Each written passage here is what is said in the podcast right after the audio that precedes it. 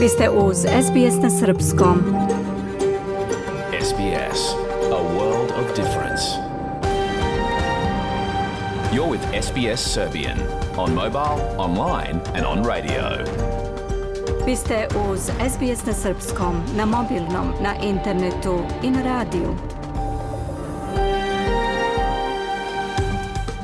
SBS odaje priznanje tradicionalnim vlasnicima zemlje sa koje danas emitujemo program na srpskom jeziku. Ovim izražavamo poštovanje prema narodu Vurunđeri Voj Vurung, pripadnicima nacije Kulin i njihovim prošlim i sadašnjim starešinama. Takođe, odajemo priznanje tradicionalnim vlasnicima zemlje iz svih aboriđanskih naroda i naroda sa ostrava iz Toresovog Moreuza, na čijoj zemlji slušate naš program.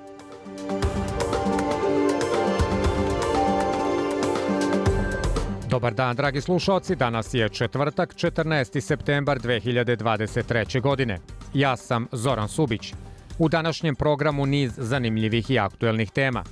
Nakon vesti ćemo čuti o referendumu o autohtonom glasu parlamentu. Glasanje je zakazano za subotu 14. oktobar. Ako tog dana ne možete da izađete na glasanje, u vašu lokalnu glasačku jedinicu postoje i druge mogućnosti da biste glasali ranije – Posle dugog vremena, Brisel je preko Charles Michela poslao poruku da Evropska unija mora biti spremna za proširenje do 2030. godine. Mija Nikolić nas izveštava o toj temi.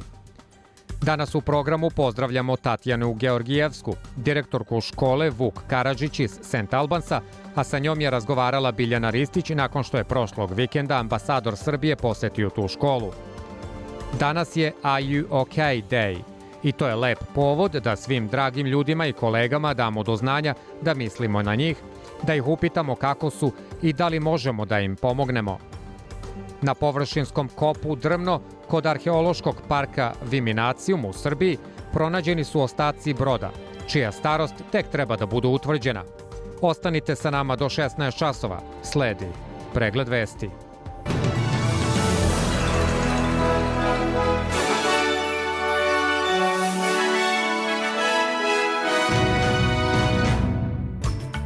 Severnokorejski lider Kim Jong-un stigao je u posetu Rusiji gde se sastao sa ruskim predsednikom Vladimirom Putinom. Pretpostavlja se da je više od 5000 ljudi poginulo nakon što su obilne kiše na severoistoku Libije dovele do urušavanja dve brane. Glavna osoba u Evropskoj uniji je rekla Evropskom parlamentu da mora da se spremi da se proširi van svojih trenutnih članica.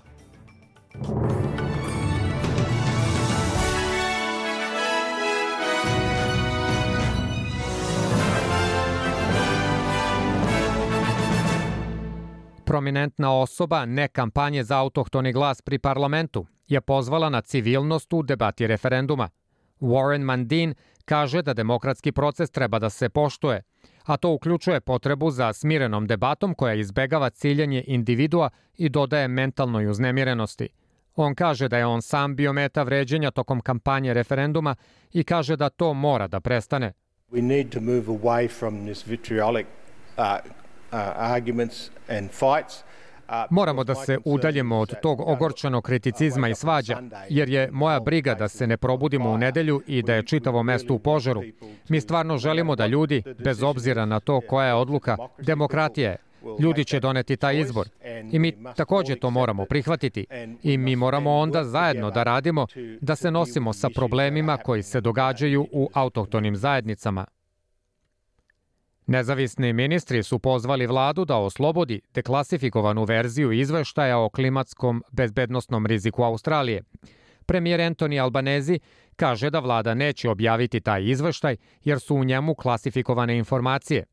Ta inicijativa grupe nezavisnih ministara je oborena u parlamentu od strane vladinih ministara koji su glasali protiv. Nezavisni ministar Zali Stegal kaže da odgovor vlade nije zadovoljavajući. So, why is the Australian government keeping secret from the Australian people what it knows about the magnitude? Zašto australijska vlada drži tajnu o tome šta zna o veličini ove pretnje?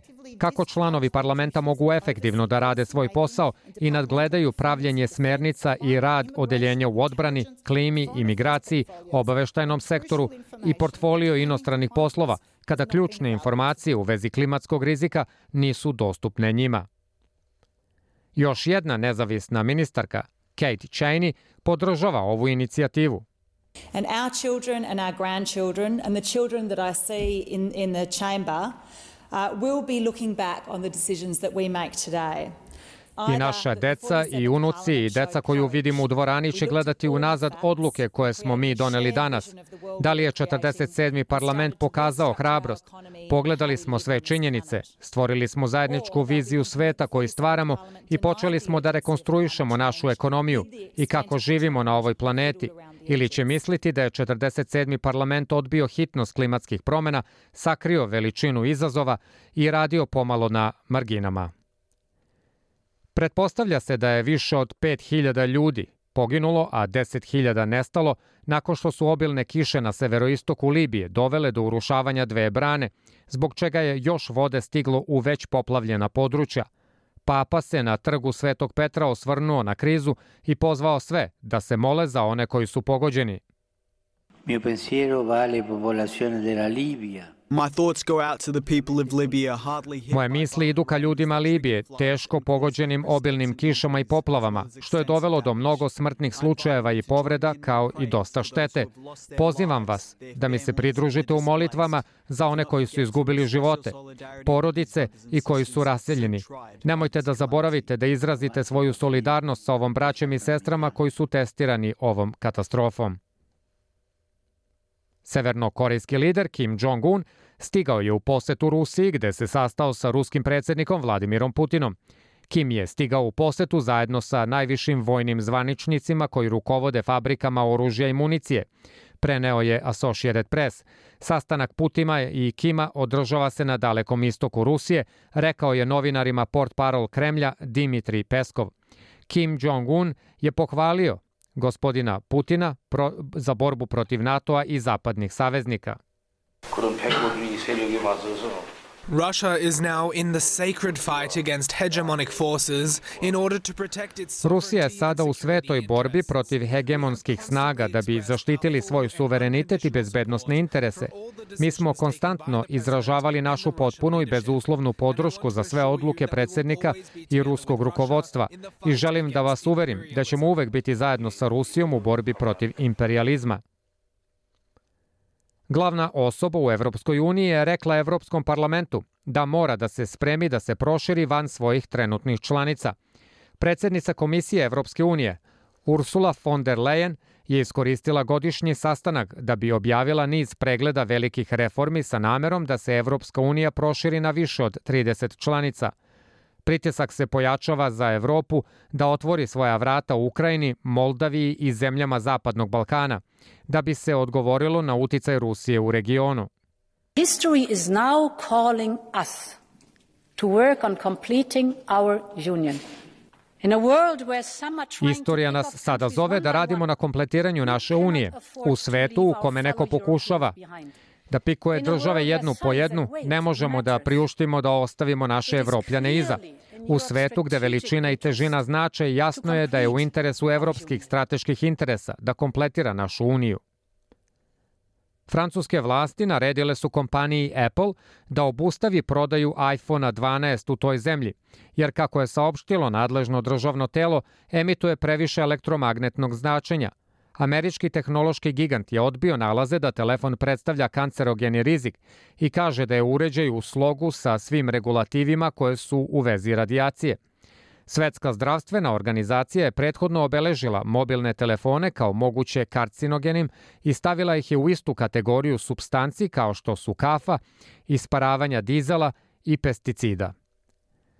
Generalni direktor Tesle, Elon Musk, kaže da forum veštačke inteligencije koji se održava u Vašingtonu može ući u istoriju kao veoma važan događaj za budućnost civilizacije. Gospodin Musk je prisustvovao forumu Senata iza zatvorenih vrata sa ostalim tek liderima u Sjedinjenim američkim državama. On kaže da veruje da postoji dosta podrške za regulativima, ali da će trebati vremena.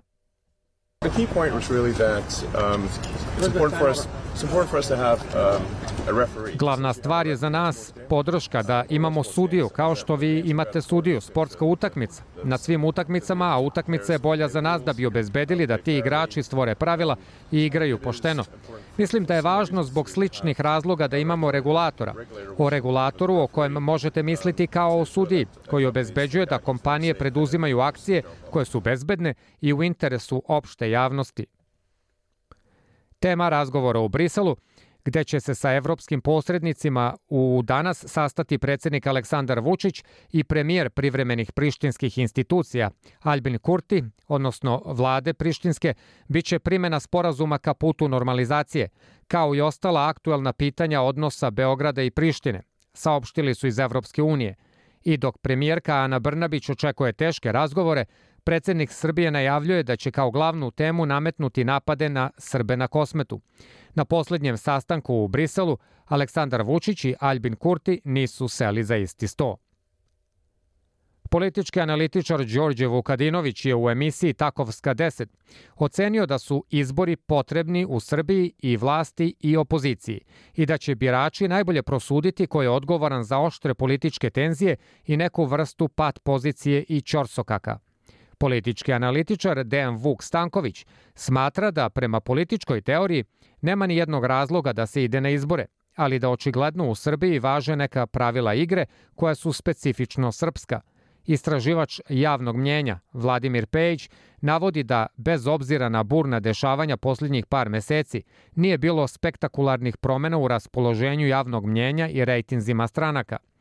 Opozicione stranke koje organizuju proteste Srbija protiv nasilja podnele su predsedniku Republike i formalno zahtev za raspisivanje vanrednih parlamentarnih izbora do kraja godine, dok je odgovor predsednika i vladajuće stranke bio da će opozicija dobiti izbore brže nego što se nada.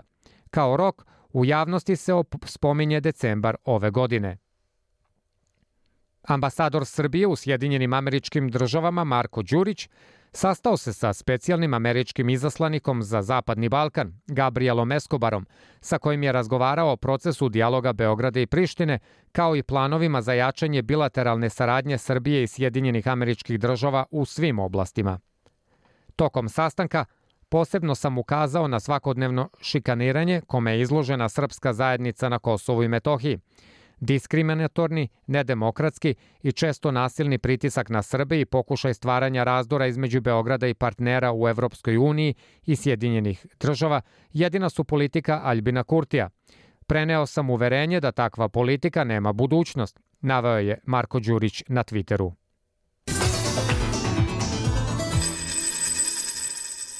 Jedan australijski dolar na svetskom ekonomskom tržištu danas vredi 0,64 američka dolara, 0,59 evra, 0,51 britansku funtu, 0,57 švajcarskih franaka i 69,94 srpskih dinara.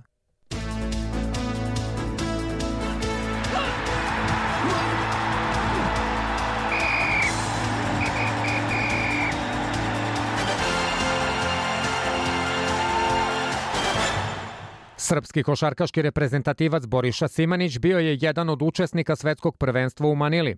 Nažalost, samo do utakmice sa Južnim Sudanom, kada je zadobio udarac Koban po njegovo zdravlje, zbog čega je izgubio bubreg. Boriša Simanić je posle prijema kod predsednika Srbije Aleksandra Vučića rekao da je iz dana u dan njegovo zdravstveno stanje bolje. Spektakularni doček šampiona u Beogradu, ovacije za košarkaše i basketaše, Boriša i Novak u suzama – Srpski teniser Laslo Đeri izjavio je posle meča Davis Kupa sa Sun Vukvonom da je ekipa mnogo znači pobeda protiv Južne Koreje u drugom meču prvog kola i tako je obezbedio Srbiji pobedu na početku grupne faze. Odbojkaši Srbije poraženi su od Poljske u četvrtfinalu Evropskog prvenstva sa 3 prema 1 po setovima, čime su završili učešće na turniru. Mlada reprezentacija Srbije započela je novi ciklus kvalifikacija za evropsko prvenstvo pobedom nad Azerbejdžanom 2 prema 0. Golove za Orliće postigao je Mihajlo Ilić. Srpski košarkaš Nemanja Bjelica potpisao je ugovor sa Crvenom zvezdom i posle jedne decenije vratio se na Mali Kalemegdan, saopštio je klub na Twitteru.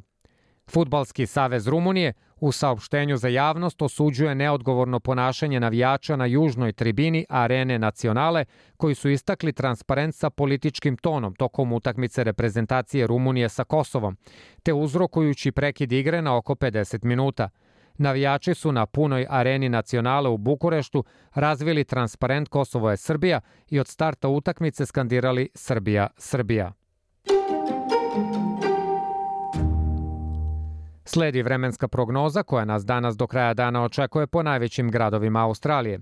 U Sidneju 23 stepena i oblačno, u Melbourneu 24 stepena, uglavnom sunčano i postaje vetrovito, u Brisbaneu 24 i uglavnom sunčano vreme, u Pertu 20 stepeni, povremena laka kiša, u Adelaidu 28 stepeni i uglavnom sunčano, u Hobartu 22 stepena i uglavnom sunčano vreme, u Kamberi 25 stepeni i sunčano i u Darwinu 34 stepena i sunčano vreme. Ovo su bile vesti SBS programa.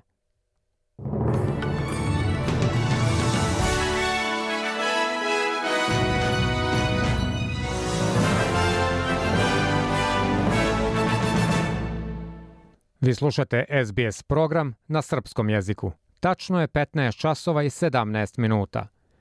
Nalog je izdat u ponedeljak za referendum o autohtonom glasu pri parlamentu. Glasanje je zakazano za subotu 14. oktobar. Ako tog dana ne možete da izađete na glasanje u vašu lokalnu glasačku jedinicu, postoje druge mogućnosti da biste glasali ranije.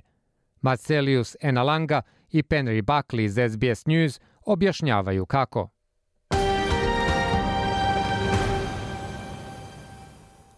Referendum o odluci australijskog autohtonog glasa pri parlamentu je sada zakazan. Generalni guverner David Hurley je izdao nalog za referendum Australijskoj izbornoj komisiji. Glasanje je obavezno i australijski izborni zakoni ne dozvoljavaju online glasanje, ali ako na dan referenduma i glasanja ne možete da izađete da glasate, možete to uraditi glasanjem putem pošte, koje je dostupno u selektiranim glasačkim centrima širom Australije – Oni će se 2. oktobra otvoriti u severnoj teritoriji, Tasmaniji, Viktoriji i zapadnoj Australiji, a od 3. oktobra u svim drugim državama i teritorijama. Umeđu vremenu, sa izdavanjem naloga da i ne grupe su pojačale svoje kampanje. Senator nacionalne partije Matt Canavan, koji podržava ne kampanju, kaže da Australijanci trenutno nemaju potrebne informacije da bi mogli da donesu informisanu odluku. If the SI side is serious here in the next uh, uh, five to six weeks, they actually need to uh, Ako je vlada u ovoj situaciji ozbiljna, u sledećih pet ili šest nedelja, potrebno je da nam kažu koji su stvarno njihovi planovi. Sakrivali su detalje jer se plaše da što više tih detalja daju australijanskom narodu, da će i oni jači biti u odluci ne. Ministar prirodne sredine Tanja Pliberšek je rekla za Kanal 7 da veruje da Australijanci treba da glasaju da. It's a way of saving money and getting better results. Uh, to je način uštede novca i način za dobijanje boljih rezultata. Ova ideja je nastala od aboriđana. Dosta preko 80% njih je podržava. Ovo nije odbor koji ima veto na parlament i ne stopira da se stvari događaju. Ne vodi programe. To je odbor koji treba da daje savete. Stvarno je manje zastrašujuće nego što to neki iz ne kampanje čine da to izgleda. Viša osoba iz Yes 23 kampanje, Noel Pearson, umeđu vremenu kaže na događaju kampanje u Tasmaniji da posao ostaje da bi se objasnilo Australijancima kako bi glas pri parlamentu funkcionisao. The onus is on the Yes campaign Odgovornost je na da kampanji da razgovara sa Australijancima o njihovim brigama i pitanjima. Uh, Moraju da ih tretiraju sa poštovanjem i mi to moramo učiniti našim poslom tokom sledećih pet nedelja.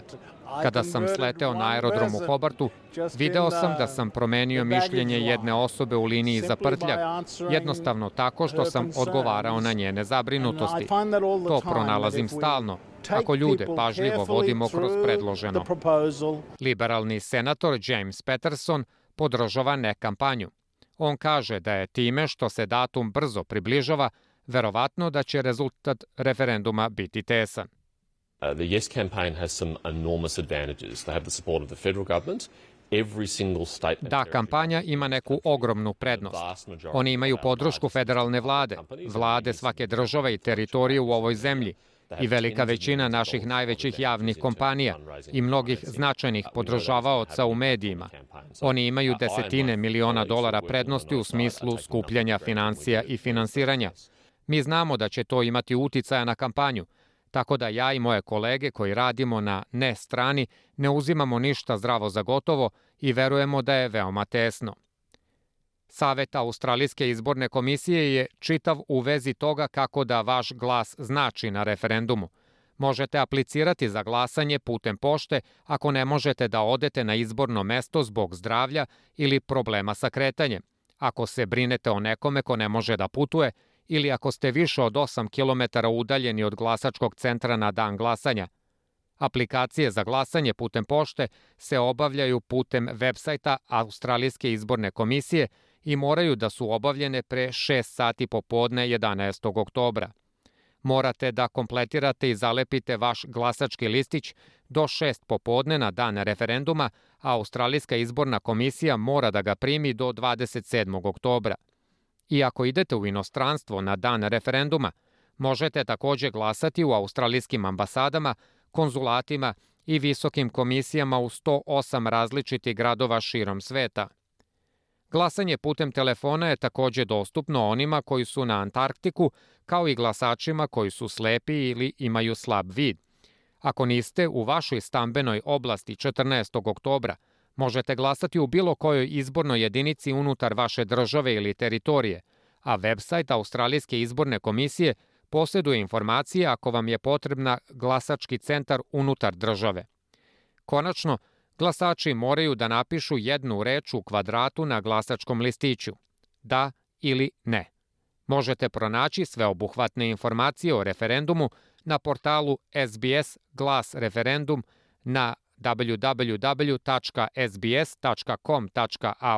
kosa crta voice referendum.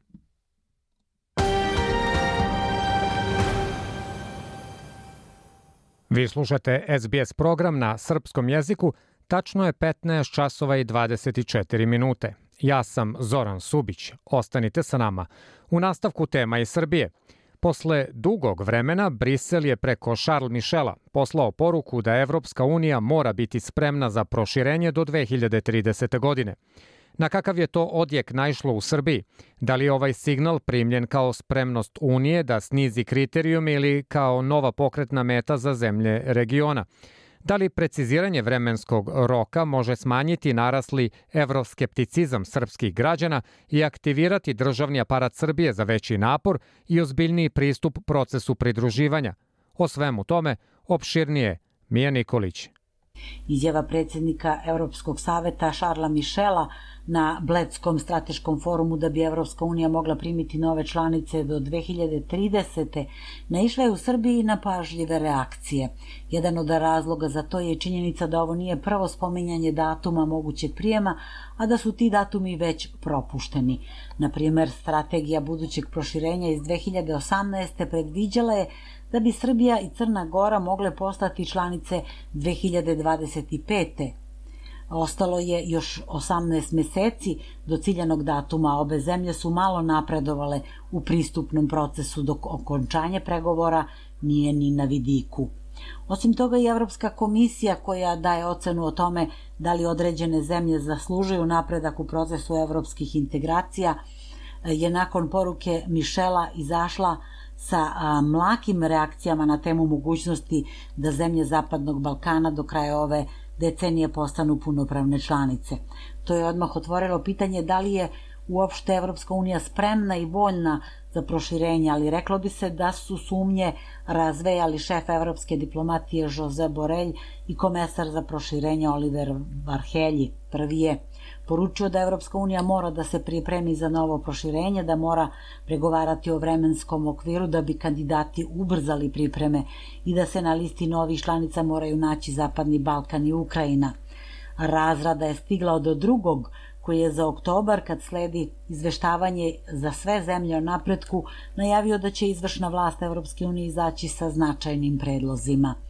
Prema rečima Varheljija, to bi pre svega uključivalo plan rasta, već obznanjan u maju mesecu, kojim Evropska unija nastoji da poveća ulaganja na Zapadnom Balkanu kako bi se ublažio ekonomski uticaj rata u Ukrajini. Plan će, kako je naveo, ubrzati ne samo institucionalnu, već i stvarnu integraciju zemalja u Evropsku uniju. To bi uključivalo sve, od reforme u oblasti vladavine prava, demokratije, ekonomskih reformi, poboljšanja klime za investitore i pružanja neophodne finansijske podrške za zatvaranje jaza u razvoju pre nego što te zemlje postanu članice. Naveo je ona na pitanje da li je pomenuti rok realan ocenio da jeste, ali samo ako kandidati i sama Evropska unija udvostruče svoje napore. I ipak naglasio da ne treba insistirati na vremenskom okviru. Ove vesti su u domaćoj javnosti pokrenule pitanje šta sve to znači za zemlju u kojoj se prošlog proleća prvi put od kako se prate stavovi o evrointegracijama prema podacima agencije Ipsos nedvosmislena većina, čak 44% građana izjasnila protiv ulaska Srbije u Evropsku uniju. Taj put podržalo je tek 35%, dok je 21% bilo neopredeljeno. I koliko je, kako navode neki domaći nedeljnici, bitna nova briselska poruka za zemlju u kojoj šef Dija Aleksandar Vulin, jedan od najbližih saradnika predsednika Srbije, pokreće inicijativu za pristupanje zemlje BRICS-u, gde su najvažnije članice Brazil, Rusija, Indija, Kina i Južnoafrička republika. Iz prvih reakcija na vest o proširenju do 2030. reklo bi se da je region Zapadnog Balkana ohrabren porukom Šarla Mišela Sableda, no u našem javnom mnjenju se rasplamsala polemika može li Srbija postati punopravna članica Evropske unije za sedam godina. Da li je to realan ambiciozan cilj ili fatamorgana? RTS je prenoseći obećanje o članstvu regiona do 2030. ukazao da postoji i dodatna poruka. Neće biti dozvoljeno prelivanje starih sukoba. Postizanje trajnog i održivog rešenja za pitanje Kosova zvanično nije uslov za članstvo Srbije u Evropsku uniju. Neformalno jeste prepreka koja se ne može zaobići. Charles Michel se nije libio da podsjeti zemlje Zapadnog Balkana da nema mesta za stare sukobe u Evropskoj uniji, ali i da prizna da rešavanje sporova iz prošlosti može biti bolnije od reformi. Kada su u pitanju Beograd i Priština, dugo se od Brisela čeka nova platforma. Isto toliko stoji i pitanje da li će pred Srbiju formalno stići uslov da prizna nezavisnost Kosova. Dovoljno je da jedna članica to stavi na sto. Stavovi domaćih politikologa na ovu temu su različiti, ali e, se tu izdvaja ocena Strahinje Subotića iz Centra za evropske politike. Mišel zna da bez kredibilne perspektive članstva, bez navedene godine, teško je očekivati da se bilateralni problemi lako rešavaju. To je jedan snažan politički posticaj da se ti problemi reše, bez toga posticaja dijalog stoji u mestu, a kada dijalog stoji u mestu, rane se otvaraju. Mislim da je Mišel tu dobar korak napravio, naveo je Subotić. I Vladimir Međak iz Evropskog pokreta veruje da nam sada iz Brisela stižu poruke istinske zainteresovanosti za proširenje. Veruje da je plan ove vlasti od početka bio da ne budemo spremni za pristupanje Uniji i dodaje da nova poruka Brisela isteruje srpsku vlast na čistac, da se jasno vidi da ona neće u Evropsku uniju. Tanja Miščević, ministarka za evropske integracije u vladi Ane Brnabić, pak tvrdi suprotno. Spremni smo da finalizujemo naše pristupanje Evropskoj uniji sa potpunom usmerenošću na rezultate reformi koji su suština tog procesa izjavila je početkom avgusta. Nešto pre toga izašla sa optimističnom observacijom da bi Srbija do 2025. mogla da uđe u Evropsku uniju. Kasnije je pojasnila da 25. ne definiše kao godinu našeg članstva jer ona ne zavisi od nas, već je to godina za koju su naše institucije posle iskustva od dve decenije ocenile da je moguće da budemo spremni za članstvo. Miščević je navela da se intenzivno radi na usklađivanju naših propisa sa Evropskom unijom, takav je slučaj sa propisima u oblasti vladavine prava, sada je na pravosuđu da radi u interesu građana i da bude efikasnije nego što je bilo.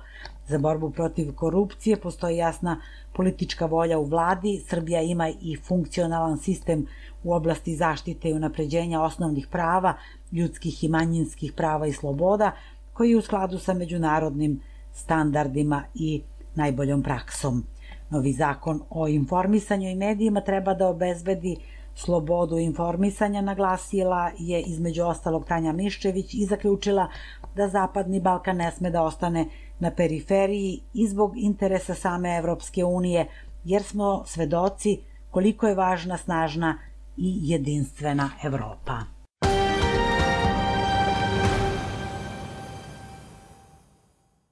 Bila je to naša saradnica iz Srbije, Mija Nikolić. Vi slušate SBS program na srpskom jeziku, ostanite sa nama. Tačno je 15 časova i 33 minute. Ja sam Zoran Subić. Veliko nam je zadovoljstvo da danas u programu pozdravimo Tatjanu Georgijevsku, direktorku škole Vuk Karadžić iz St. Albansa, a imamo lep povod za razgovor pošto je prošlog vikenda ambasador Srbije posetio školu. O toj poseti sa njom razgovara Biljana Ristić. Tatjana, dobar dan, dobrodošli u program. Dobar dan, Biljo, hvala na pozivu, bolje vas našla i pozdravljam sve slušalce SBS radije na srpskom jeziku. Prošlog vikenda ambasador Srbije je posetio školu, pa možda bi bilo lepo da nam kažete više o tome kako su ga đaci dočekali, da li je bio neki poseban program? Evo, sad ću da vam ispričam. Njegova ekscelencija, ambasador Republike Srbije u Australiji, gospodin Rade Stefanović, je bio u radnoj poseti Srpskoj školi mm -hmm. Vuk Karadžić i St. Albansa. Predstavnici školskog odbora i nastavničkog veća su ga dočekali u školi, a onda je ambasador prvo obišao sva odeljenja, pozdravio naše učenike i sa njima na kratko porazgovarao. Nakon toga imao kraći informativni sastanak sa roditeljima i učenicima škole o projektu za koji se on svesredno zalaže, a to je realizacija nastavnog programa koji je akreditovan od strane Ministarstva prosvete Republike Srbije i umrežavanje škola srpskog jezika u dijaspori. Mm -hmm. E, pošto su roditelji i učenici imali priliku da porazgovaraju o tome, onda smo nakon toga sa gospodinom Stefanovićem razgovarali nastavnici i članovi školskog odbora jer smo mi imali neka naša pitanja vezano za to radi organizacije, šta je sve potrebno, kakve su mogućnosti, kako se to uklapa sa našim načinom rada i tome slično. Uh mhm. -huh. A što ste spomenuli program, taj dan u subotu nije bio poseban program, a, već je narednog dana u nedelju u organizaciji Crkveno-školske opštine Sveti Đorđe u St. Albansu priređen program na kome su učestvovali i naši učenici, pored članova folklorne grupe Morava, udruženja roditelja i dece i hrišćanske zajednice koji funkcionišu pri toj crkvi koju sam već spomenula. Tako da smo svi zajedno udruženim snagama napravili jedan prigodan program za našeg ambasadora. Divno, imam osjećaj da je bilo jako ugodno i lep program.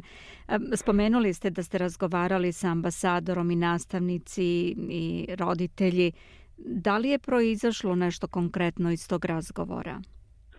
Pa znate kako, mi smo se prvo zainteresovali za ovaj program kada smo čuli da se on realizuje u Brisbaneu i rešili smo da se raspitamo i to je sve počelo jednim telefonskim pozivom našoj ambasadi gdje su nam vrlo ljubazno rekli šta treba da napišemo e-mailu, neke podatke o školi koji su njima bili potrebni i da će nam se javiti.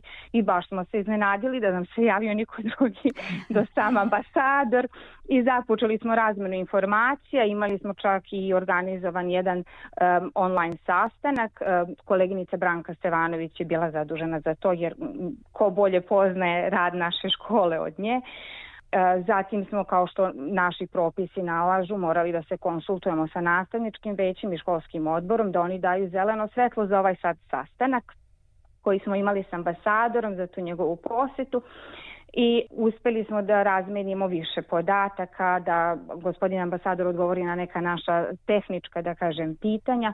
Ono što ambasada nama nudi, to jeste ministarstvo prosvete, to je, da kažem, jedna logistička i finansijska podrška za realizaciju ovog plana i programa.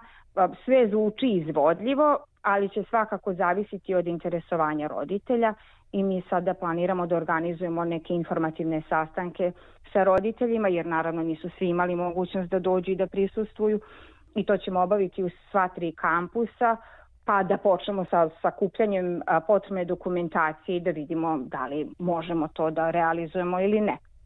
U smislu usklađivanja, jel tako, vašeg e, programa rada i aktivnosti u školi, u tom smislu? Biljo, da vam kažem, naš plan koji mi realizujemo ne odudara od tog plana uh mhm. -huh. koji propisuje Ministarstvo prosvete Republike Srbije, samo što se on realizuje kroz tri predmeta po tom programu, a kod nas je to sve u okviru jednog predmeta koji radimo u toku jednog nastavnog dana.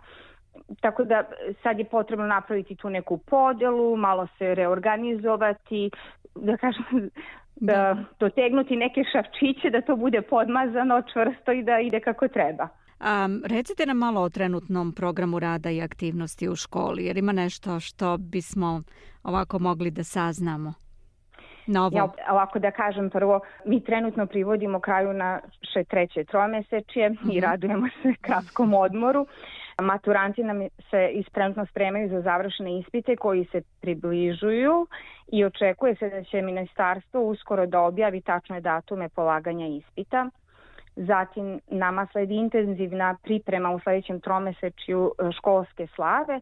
To je slava Svetog Arsenija Sremca koju ćemo ove godine proslaviti u nedelju 12. novembra u hramu Svetog Đorđa u St. Albansu i to je prilika da deca pripreme jedan program i pokažu i svojim roditeljima, bakama, dekama i širem auditorijumom šta su oni naučili i spremili. A, očekujemo u oktobru posetu ministarke Natali Hutchins. E, iskreno rečeno, drago nam je da nas konačno prepoznaju i da dobija naša škola malo više pažnje. Uh mhm. -huh. Posle te slave, koju sam prethodno spomenula, sa dolaskom lepšeg vremena organizovat ćemo veliki školski izlet koji mi tradicionalno organizujemo za učenike i roditelje, e, najčešće u Brimbank parku i to je otprilike to onda ćemo i da se raspuštamo. Recite mi, pretpostavljam da škola ima zadovoljavajući broj đaka trenutno. Pa ovako, mi ove godine brojimo 165 upisanih učenika, što znači da se polako, ali sigurno vraćamo normalnom životu. Jedan podatak meni stalno stoji na pameti, a to je da je škola pre korone imala 206 upisanih đaka i ja ću biti zadovoljna kad mi dobijemo 207 učenika, Divno. jer će to značiti da je to eto, pomak neki da smo napravili jer nas raduje upis svakog novog učenika, jer što smo brojčano jači, računamo i da ćemo se duže i bolje izboriti protiv asimilacije. Što ste brojčano jači, dobit ćete normalno i veće e, novčane pomoći države možda za svoj rad, je li tako? Da vam kažem nešto, nama je svima mnogo draži svaki učenik nego svaki taj dolar koji dobijemo. Mm. Više se vredi boriti za tu decu, za očuvanje jezika, identiteta, nego što nam je zaista ta finansijska strana toliko bitna. Neophodna ona za rad škole, ali ovo nije biznis i nije cilj rada škole, nastavnika, profit, nego mi imamo jednu drugu znatno humaniju svrhu. Apsolutno, ali se moraju platiti i računi naravno, zgrada. Naravno, da, u tom naravno, smislu sam mislila. Naravno, da. Na, na, na, da, mm. naravno, bit će lakše za opremanje, nabavku novih materijala, osavremenjivanje nastave i tako. Apsolutno.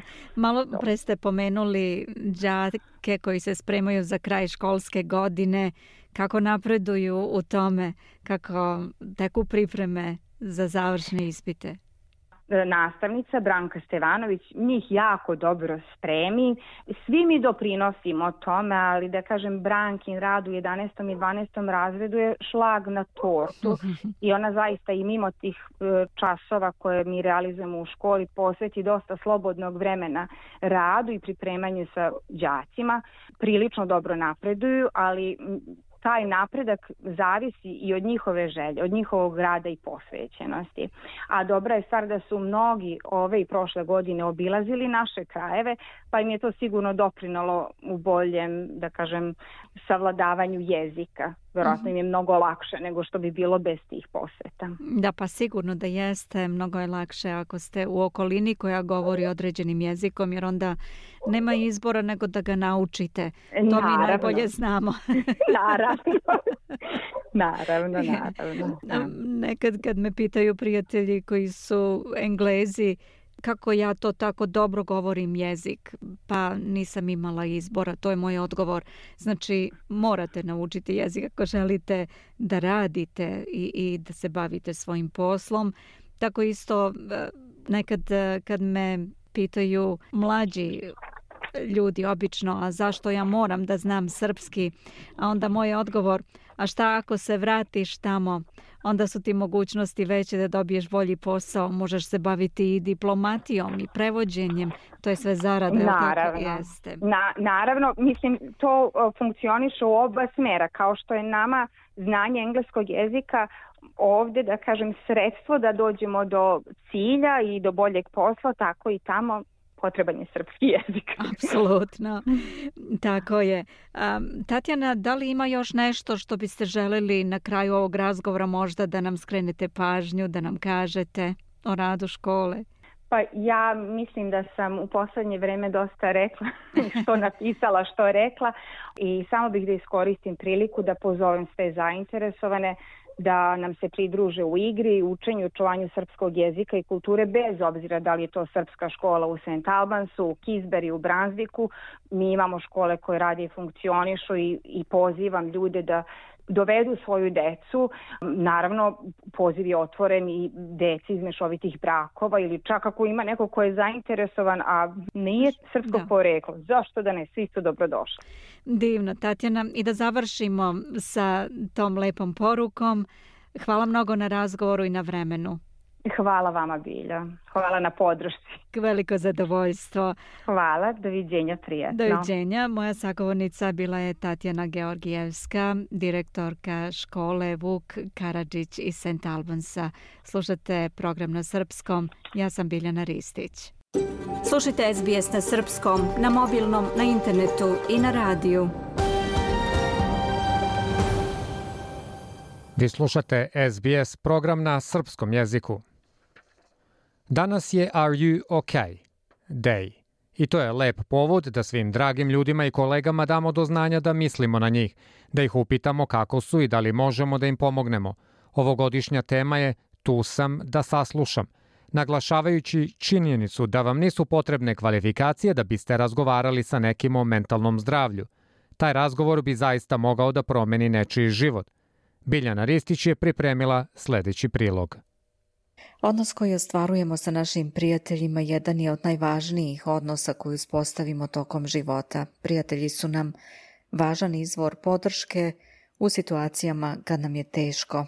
Oni su naši prirodni saveznici, bliski ljudi u našem okruženju koji nam se nađu kad nam je teško, kad patimo, ali također dele sa nama lepe i važne trenutke u životu.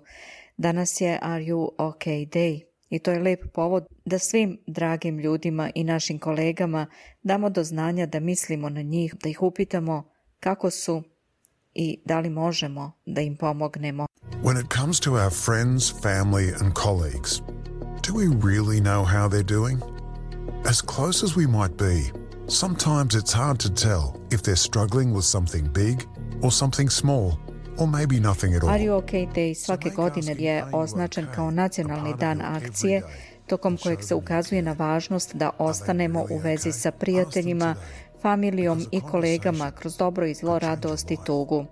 Razgovori o mentalnom zdravlju ne treba da se vode samo kad je neko vidno pod stresom ili prolazi kroz krizu, već svaki dan u svakoj prilici.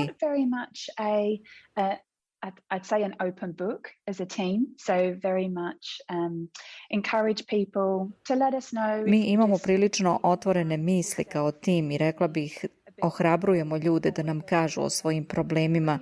Niko od nas nije imun na životne izazove, bilo da se radi o prekidima emotivnih veza, financijskim poteškoćama, pritiscima na poslu ili o žalosti zbog gubitka voljenih osoba, objašnjava gospođa Katrina Newton, izvršna direktorka organizacije Are You OK? za kanal We Care 365. Nekad neće biti očito da neko prolazi kroz duboku psihičku krizu, ali znamo da ako na vreme postavimo iskreno pitanje, možemo pomoći ljudima koji možda ne mogu da vide da je pomoć na domak pre nego što uđu u dublju krizu. Organizacija Are You OK objavila je niz besplatnih resursa, uključujući savete koji vam mogu pomoći u tome kako da pristupite ljudima, kako da postavite pitanje kako si i da li je sve u redu. I tako započnete važan razgovor. U tome kako pristupiti i pružiti emocionalnu podršku ljudima pomože nam psihološka veština prve pomoći. To je veština pažljivog, brižnog i saosećajnog pristupa i razgovora sa osobom koja pati ili je usnemirena. To je važna životna veština, veština koju svako od nas može da nauči, a cilj je pružanje pomoći u sprečavanju pogoršanja problema mentalnog zdravlja, promovisanja oporavka dobrog mentalnog zdravlja, pružanje emocionalne podrške i ohrabrivanje osobe, posebno ako sumnjamo da postoji rizik da će osoba sebi naštetiti. Neki od savjeta su pozovite osobu, ako je moguće sastanite se s njom, započnite razgovor neobavezno, pitajte kako je, recite šta ste primetili, šta vas brine, pitajte šta se dešava, kako se osjeća i budite spremni da slušate pokazujući da poštujete osjećanja i viđenja te druge osobe koja ne moraju biti jednaka vašim pretpostavkama. Pokažite da vam je stvarno stalo do osobe. Na kraju, sumirajte ono što ste čuli, pitajte da li ste dobro razumeli, pitajte da vam objasni ako niste. Pokažite da slušate gestovima i kratkim potvrdnim rečima. Pitajte kako možete pomoći i dajte do znanja da prihvatate osobu i da ste uz nju kroz sve kroz šta prolazi. Dajte joj podršku da zatraži stručnu pomoć. A ono što se ne savetuje je ne prekidajte, ne požurujte osobu dok priča, ne govorite šta bi trebalo ili ne bi trebalo da uradi, izbegavajte pitanja koja započinju sa zašto. Ne upoređujte njihova sa vašim ili tuđim iskustvima, ne umanjujte njihova osjećanja govoreći im, ma nije to tako strašno. Ne tešite ih davanjem obećanja ili uverenja za koje niste sigurni da će se dogoditi. Ne govorite, bit će bolje, nije to ništa, bolje to nego i slično. Takve rečenice ne pružaju utehu. Za one koji nisu sigurni kako započeti razgovor, postoji besplatan vodič za podršku Are You OK? Posjetite areyook.org.au. Are they really okay? Ask them today. Learn how to ask at areyouok.org.au because a conversation could change your life. Vi slušate SBS program na srpskom jeziku, tačno je 15 časova i 52 minute. Ja sam Zoran Subić. A još jedna tema iz oblasti nauke, tačnije zavirit ćemo u svet arheologije. Na površinskom kopu Drmno, kod arheološkog parka Viminacijum u Srbiji, pronađeni su ostaci broda, čija starost tek treba da bude utvrđena, ali se pretpostavlja da je u pesku ležao možda i više od 10 vekova – Ovo je peto plovilo koje je na području Viminacijuma, nekadašnjeg glavnog grada rimske provincije, Gornje Mezije, otkriveno u poslednje tri godine. Opširnije u sledećem prilogu. Novi ostaci drvenog nasukanog broda nađani su krajem jula na površinskom kopu uglja Trmno kod Kostolca, 3 km severoistočno od antičkog Viminacijuma i 2 km zapadno od sela Kličevac, gde moćne mašine iskopavaju slojeve jalovine da bi došle do uglja. Ustanovljeno je da je brod očuvan u dužini od 13 metara, a da je njegova širina iznosila 3,5 metra. Glodar 5, kako u internoj komunikaciji radnici kopa zovu džinovski bager, zakačio je prilikom rada na dubini od 8 metara ostatke nepoznatog objekta pravljenog od pravilno ređanih dasaka. Nakon što je tehničar na bageru obavestio dežurnog rudarskog inženjera, točak bagera je zaustavljen i pozvani su arheolozi iz Arheološkog parka Viminacijum, kaže za radio televiziju Srbije Goran Bogdanović, rudarski poslovođa. To se desilo prilikom kontrole bočne kosine redovne da ne bi se obrušila bočna kosina na mašinu rudarsku. Ja sam ugledao ovo plovilo i odlučio se da zaustavim mašinu, da je malo preusmerim. Od nekih 15 minuta zastoja i eto, sačuvali smo brod. Poučeni iskustvima iz marta 2020. kada su u blizini nađeni ostaci više plovila, broda monoksila i čamca iz perioda od prvog veka pre nove ere pa do 17. veka nove, arheolozi Saša Ređić, Nemanja Mrđić, Petar Kojadinović, Kristina Živković i Mladen Jovičić su odmah ustanovili da bager kopa slojeve nekadašnjeg korita rukavca Dunava, takozvanog Dunavca. Ostaci broda, za koji tek treba da se utvrdi iz kog perioda datira, pronađeni su u pesku na dubini od 8 metara. Reč je o barži, građenoj po modelu rimskih plovila, koja je služila za prevoz ljudi i robe, kaže arheolog Mladen Jovičić za radioteleviziju Srbije. Očuvano je samo dno i e, samo delimično ivice. To dno je znači, pravljeno od hrastovih dasaka, one su spajane sistemom klinova, klin, e, klinova i ovaj poprečne grede račvaste su e, pričešćivale to je, ovaj, te bokove broda. Očuvana je krma i središnji deo broda. Nažalost, bagir je bio zakačio sam prednji deo broda, ali samo delimično je on oštećen. Dakle, očuvan je 13 metara, verovatno je bio do 20 metara dužine, znači brod. Arheolog Mladen Jovičić ističe da Viminacijum jeste bio sedište Dunavske flote za čitavu Meziju. Eliminacijom jeste bio sedište Dunavske flote za čitavu Meziju provinciju, što bi bila otprilike današnja Srbija. Dakle, tu se u spisku noticije dignitatom pominje da je to sedište flote. Odatle su brodovi dakle, plovili čitavom dužinom Dunava i kroz Đedap sve do e, tamo Kladova, do Prahova i kontrolisali e, granicu, prevozili robu, tako da na Eliminacijom su nađeni spomici koji e, svedoče o prisustvu udruženja brodara. Arheolozima i inženjerima površinskog kopa Drmno Sada prestoji složen zadatak iskopavanja i transportovanja broda u arheološki park Viminacijum, kako bi tamo bio konzerviran i izložen za posetioce. Arheolog Mladen Jovičić ukazuje da se bez detaljnih analiza i uključivanja institucija i naučnika iz drugih oblasti, na primjer merenje metodom radioaktivnog ugljenika, ne može sa sigurnošću utvrditi iz kog perioda oni potiču ima elemente koji podsjećaju na rimski i možda je ranorimski, kasnoantički, ranovizantijski, ali najviše konstruktivno podsjeća na brodove koji su na tim područjima korišćeni od 11. do 17. veka i koristile su ih sve zaraćene strane na Dunavu.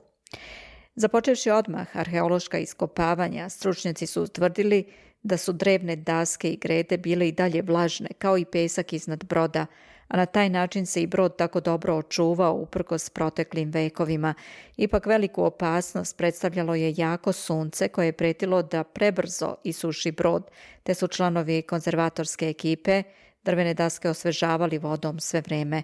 Nakon dva dana rada ostaci dobro očuvane olupine broda su u potpunosti iskopani, a potom i do detalja dokumentovani po pravilima arheološke nauke, piše Beogradska politika. Ustanovljeno je da je preživela krma sa središnjim delom broda dok je pramac oštećen radom bagera, te se može pretpostaviti da je brod bio dugačak i preko 20 metara. Dno broda je pravljeno od ravnih dasaka različitih dužina, a spojevi dasaka su ispunjavani organskom materijom i fiksirani srpastim spojnicama od gvožđa. Ostaci broda trenutno su zaštićeni i u toku su pripreme za njegovo premeštanje u budući prostor namenjen iskopanim drevnim brodovima, a koji se gradi u sklopu arheološkog parka Viminacijum. Zajedno sa prethodno nađenim brodovima predstavljaće u budućnosti jedinstvenu atrakciju u Srbiji koja će svedočiti o više milenijumskoj intenzivnoj plovidbi na Dunavu. Sa brodovima koji su do sada nađeni na Viminacijumu stajemo u red sa najvećim muzejima za brodove u Nemačkoj i Francuskoj, kaže za politiku dr. Miomir Korać iz Arheološkog instituta Srbije. Ja sam Biljana Ristić.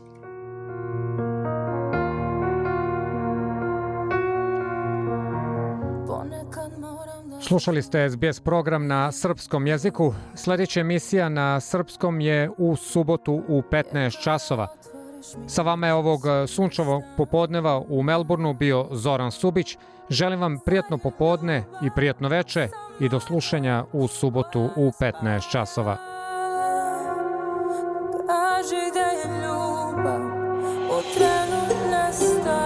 Želite da čujete još priča poput ove? Slušajte nas na Apple Podcast, Google Podcast, Spotify ili odakle god slušate podcast.